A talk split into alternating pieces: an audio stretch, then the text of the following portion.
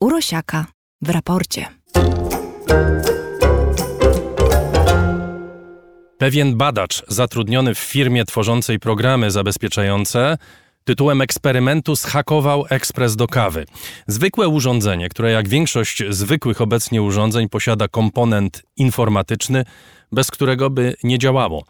Bez specjalnego trudu Martin Chron, bo tak się nazywał ten pan, spowodował, że kawiarka wywołała domowe pandemonium. Lała się z niej kawa, włączał się i hałasował młynek oraz rozgrzewała grzałka, a na wyświetlaczu pojawiało się żądanie okupu. Badacz wykonał eksperyment po to, by udowodnić, jak niekontrolowanym światem może okazać się przestrzeń określana dziś jako internet rzeczy.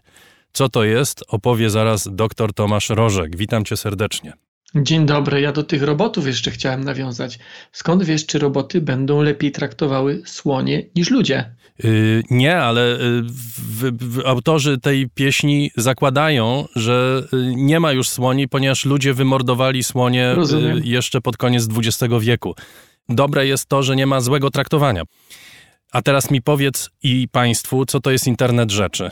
To jest taki trend, który w zasadzie mm, nie jest przyszłością, jest teraźniejszością. Przyszłość już tu jest, gdzie chcemy podłączać przeróżne urządzenia, które większości z nas, chociaż już może nie naszych dzieci, ale nas, nie kojarzą się absolutnie z niczym cyfrowym, z niczym elektronicznym, a na pewno nie kojarzą się z czymś, co musi mieć podłączenie do sieci bo ja, będąc człowiekiem w wieku średnim, pamiętam tylko jedno urządzenie ze swojego dzieciństwa i to dość późnego, które miało podłączenie do sieci, i to był komputer, który jak się łączył z siecią, to nikt nie mógł rozmawiać przez telefon, bo się łączył przez modem. Dzisiaj, jak się rozglądam wokół siebie, choć nie mam specjalnie wiele takich urządzeń, no to jednak mam tablet, jednak mam e, komputer, jednak mam telefon. Natomiast te czasy, e, kiedy mamy kilka zaledwie urządzeń wokół siebie sieciowych, one no, już są trochę przeszłością, bo za chwilkę będziemy mieli kilkadziesiąt, a może i kilkaset.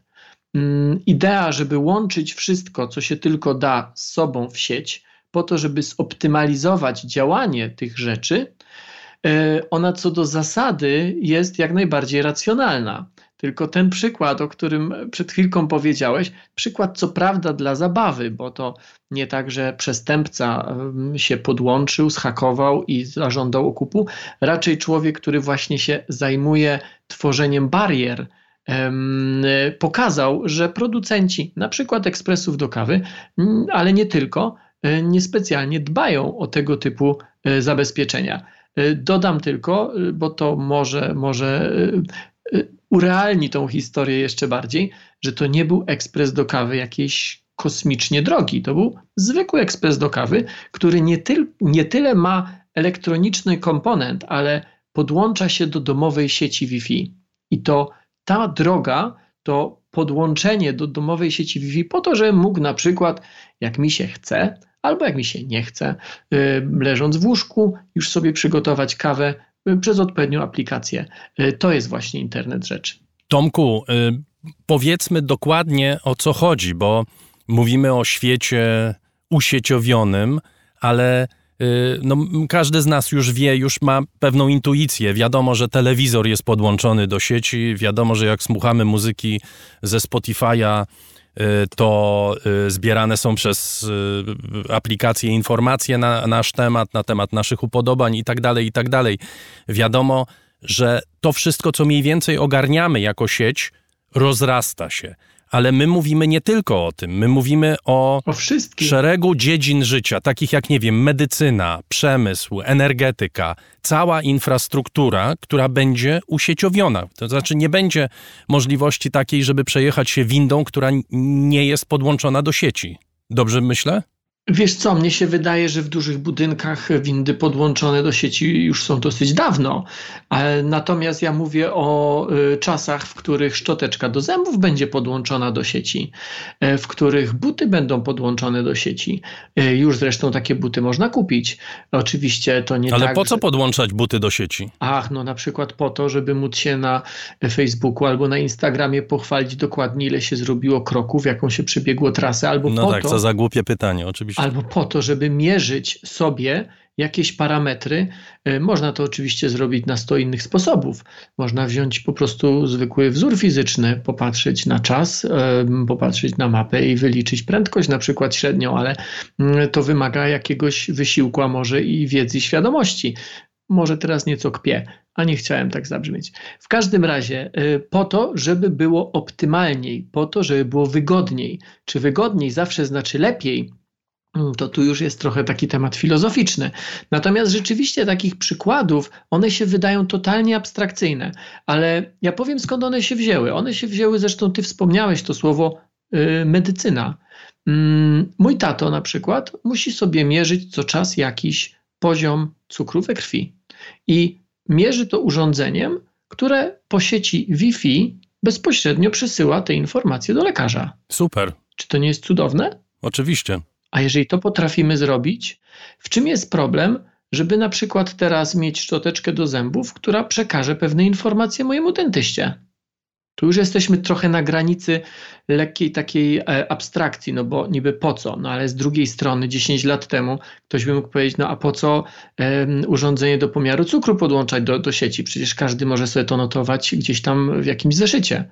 No dobra, ale czasami się pomylę czasami zapomnę, czasami e, może mi się przy, przycinek przesunie przy notowaniu.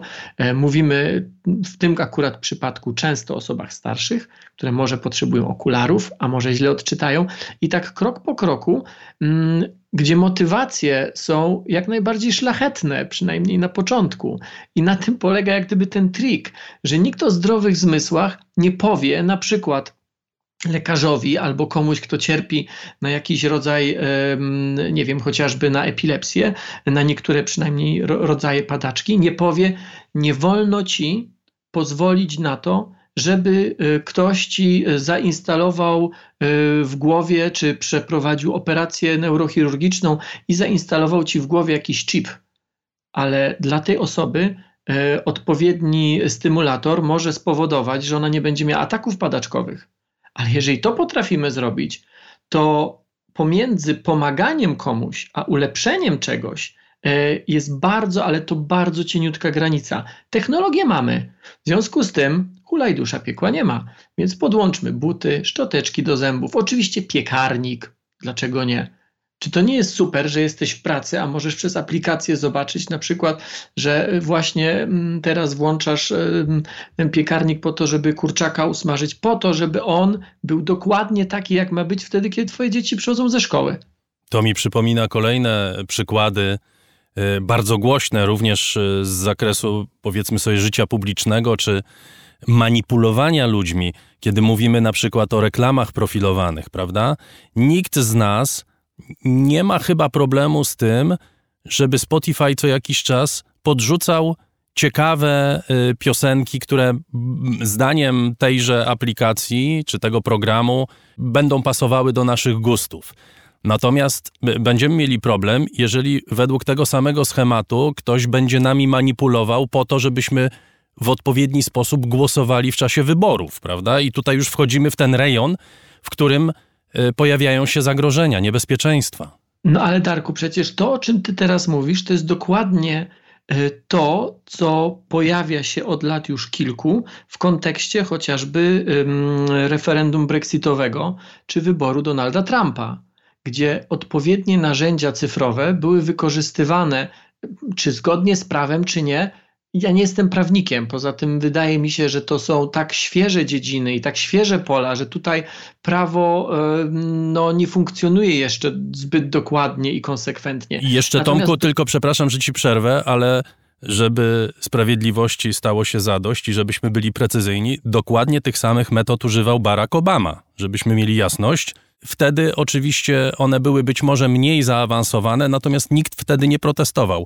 E, zaczęto protestować dopiero przy okazji e, Brexitu i mm, e, wyboru Donalda Trumpa, ale to jest jakby odrębna sprawa. To prawda, masz rację. Skala oczywiście była nieporównywalnie mm, mniejsza i w gruncie rzeczy, gdybyśmy nie dyskutowali o skali, tylko o samym fakcie, no to cóż złego jest w tym, że dokładnie poznajemy swoich potencjalnych wyborców po to, żeby sprofilować pod tego konkretnego wyborcę y, przekaz.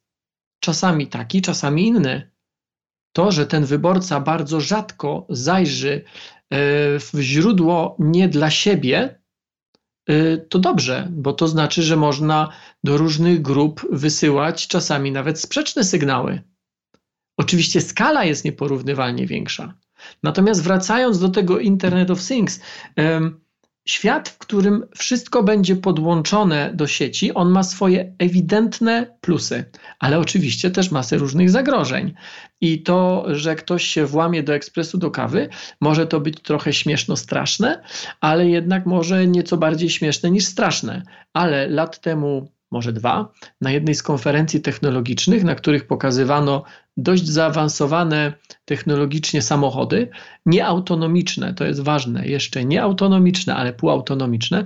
W ramach znowu takiego trochę eksperymentu, grupa hakerów pokazała, że potrafi się zdalnie do takiego samochodu włamać. I co ciekawe, mm, rzeczywiście się włamała, był eksperyment, człowiek siedział za kierownicą, prowadził ten samochód i w pewnym momencie ten samochód go przestał słuchać. Zaczął przyspieszać, zaczął hamować, nie wtedy, kiedy kierowca chciał. Mówimy o samochodach nie autonomicznych, tylko samochodach półautonomicznych, takich, które hamują wtedy, kiedy na przykład przed maskę coś wyskoczy, ktoś wyskoczy. Zanim my zareagujemy, taki samochód zahamuje. I, I tutaj już zaczyna być mniej śmiesznie, a trochę bardziej strasznie. I tu pojawiają się także te dylematy, o których y, wielokrotnie mówimy przy tej okazji, to znaczy, jak ten samochód będzie miał do wyboru zabić na pasach kobietę w ciąży albo staruszka, to on będzie musiał podjąć y, decyzję w tej sprawie. Tak, to jest, to jest w ogóle jak gdyby bardzo, bardzo szeroki temat.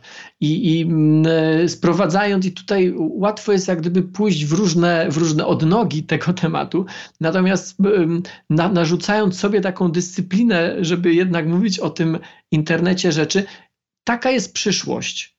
Te eksperymenty, które, o których mówiliśmy, y, one pokazują, że producenci za mało energii wkładają w to, żeby zabezpieczyć nasze bezpieczeństwo, nawet jeżeli mówimy o tym bezpieczeństwie w kontekście chociażby ekspresu do kawy. Natomiast musimy mieć świadomość, że czas, w którym mm, czy czasy, w których do sieci był podłączony tylko komputer, to już są czasy przeszłe i one już nie wrócą do sieci będzie podłączone totalnie wszystko. A kupienie dzisiaj żarówki z podłączeniem do sieci Wi-Fi nie jest absolutnie żadnym problemem. I powiem Ci zupełnie szczerze, choć ja takich żarówek nie mam w domu, ja bym może rozważał, bo to jest dosyć wygodne.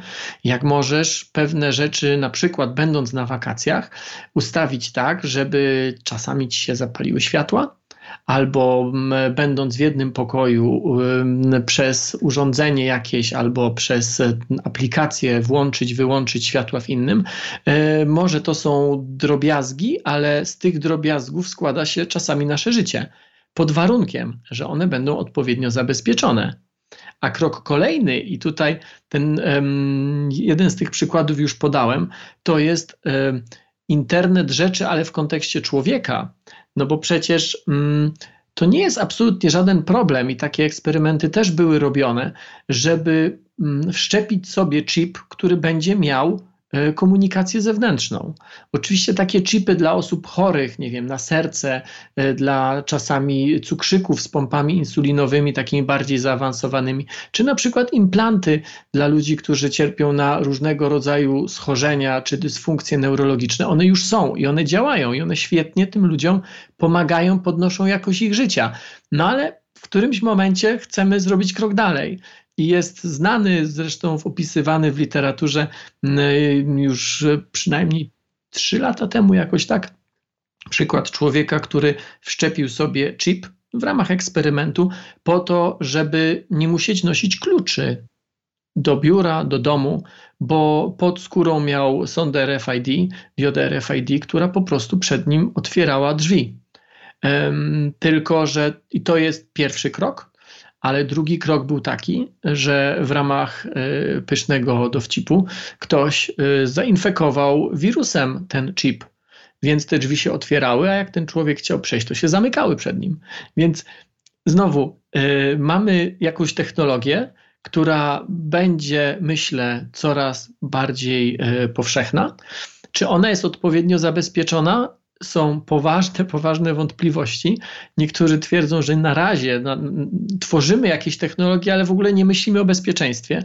I, I przykład przed nie tak dawna, któryś z Teraz nie pamiętam, czy szwedzkich, czy, czy norweskich parlamentarzystów był śledzony przez swoją szczoteczkę do zębów, bo rzeczywiście to miał taką szczoteczkę do zębów, pomijając już firmę tej szczoteczki, która łączyła się przez odpowiednią aplikację e, w telefonie i pokazywała mu na przykład, czy on równomiernie wyczyścił wszystkie swoje zęby, a ma też taką funkcję, żeby takie informacje przesyłać do dentysty.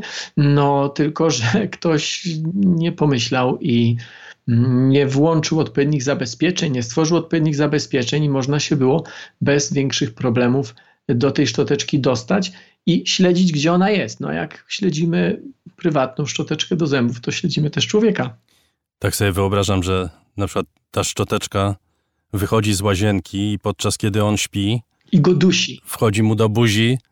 Nie, dusić to chyba miałaby problem, ale wchodzi mu do buzi i zaczyna mu czyścić zęby, kiedy on śpi i y, na przykład przekazuje sny jego. To też jest, byłoby możliwe. To już troszkę może szczoteczka do zębów, może to już jest za daleko.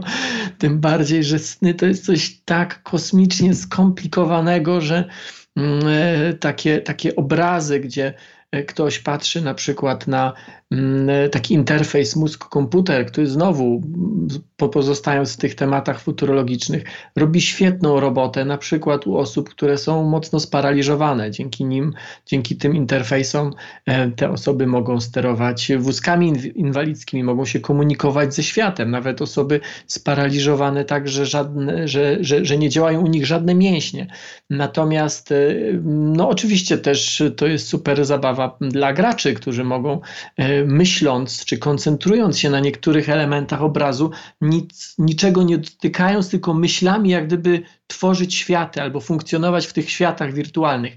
Natomiast od tego jest bardzo, ale to bardzo daleka droga do kontroli umysłu, do, do, do y, odczytywania myśli czy do odczytywania snów.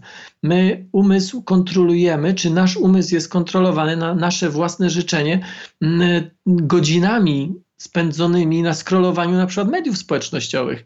Mm, wracając do początku naszej rozmowy i poddawaniu się czy funkcjonowaniu w swojej bańce informacyjnej, która jest pod nas skrojona tak ściśle, że dwie osoby siedzące obok siebie, żyjące z sobą pod jednym dachem, mogą mieć totalnie różny obraz świata, który je otacza. To jest kontrola umysłu i naprawdę nie trzeba chipów, ani nie trzeba mm, jakichś urządzeń montowanych na głowie, żeby to zrobić e, skuteczniej. Tomku, pojąłem aluzję, aluzję paniał, że jak rozmawiamy o jednej rzeczy, żeby nie mówić o wszystkim, ale niestety sam widzisz, że nam się rozrasta ta, ta cała rzecz, bo my tak naprawdę mówimy o świecie, który w żaden sposób nie jest obecnie skodyfikowany. To jest świat, który wymaga nowego prawa, prawda? Który wymaga nowych obyczajów, czy który będzie rodził nowe obyczaje, będzie tak naprawdę rodził nowego człowieka. I to jest pewnie temat, nieustający temat naszych rozmów, mam nadzieję. I też mam taką nadzieję mam nawet pewność, że do tych tematów będziemy wracali. Rzeczywiście bardzo trudno jest tutaj te wątki uporządkować, bo one się mocno na siebie nakładają. Jeden wynika z drugiego i niezwykle trudno, i mówię to do siebie, absolutnie nie do ciebie, narzucić sobie taką dyscyplinę, żeby mówiąc o jednej rzeczy, nie y, wspominać o tych sąsiednich. Tomasz Rożek wróci w raporcie o stanie świata. Zapraszam również do jego kanału na YouTube Nauka to lubię. Dziękuję Ci bardzo, do usłyszenia. Bardzo dziękuję, wszystkiego dobrego.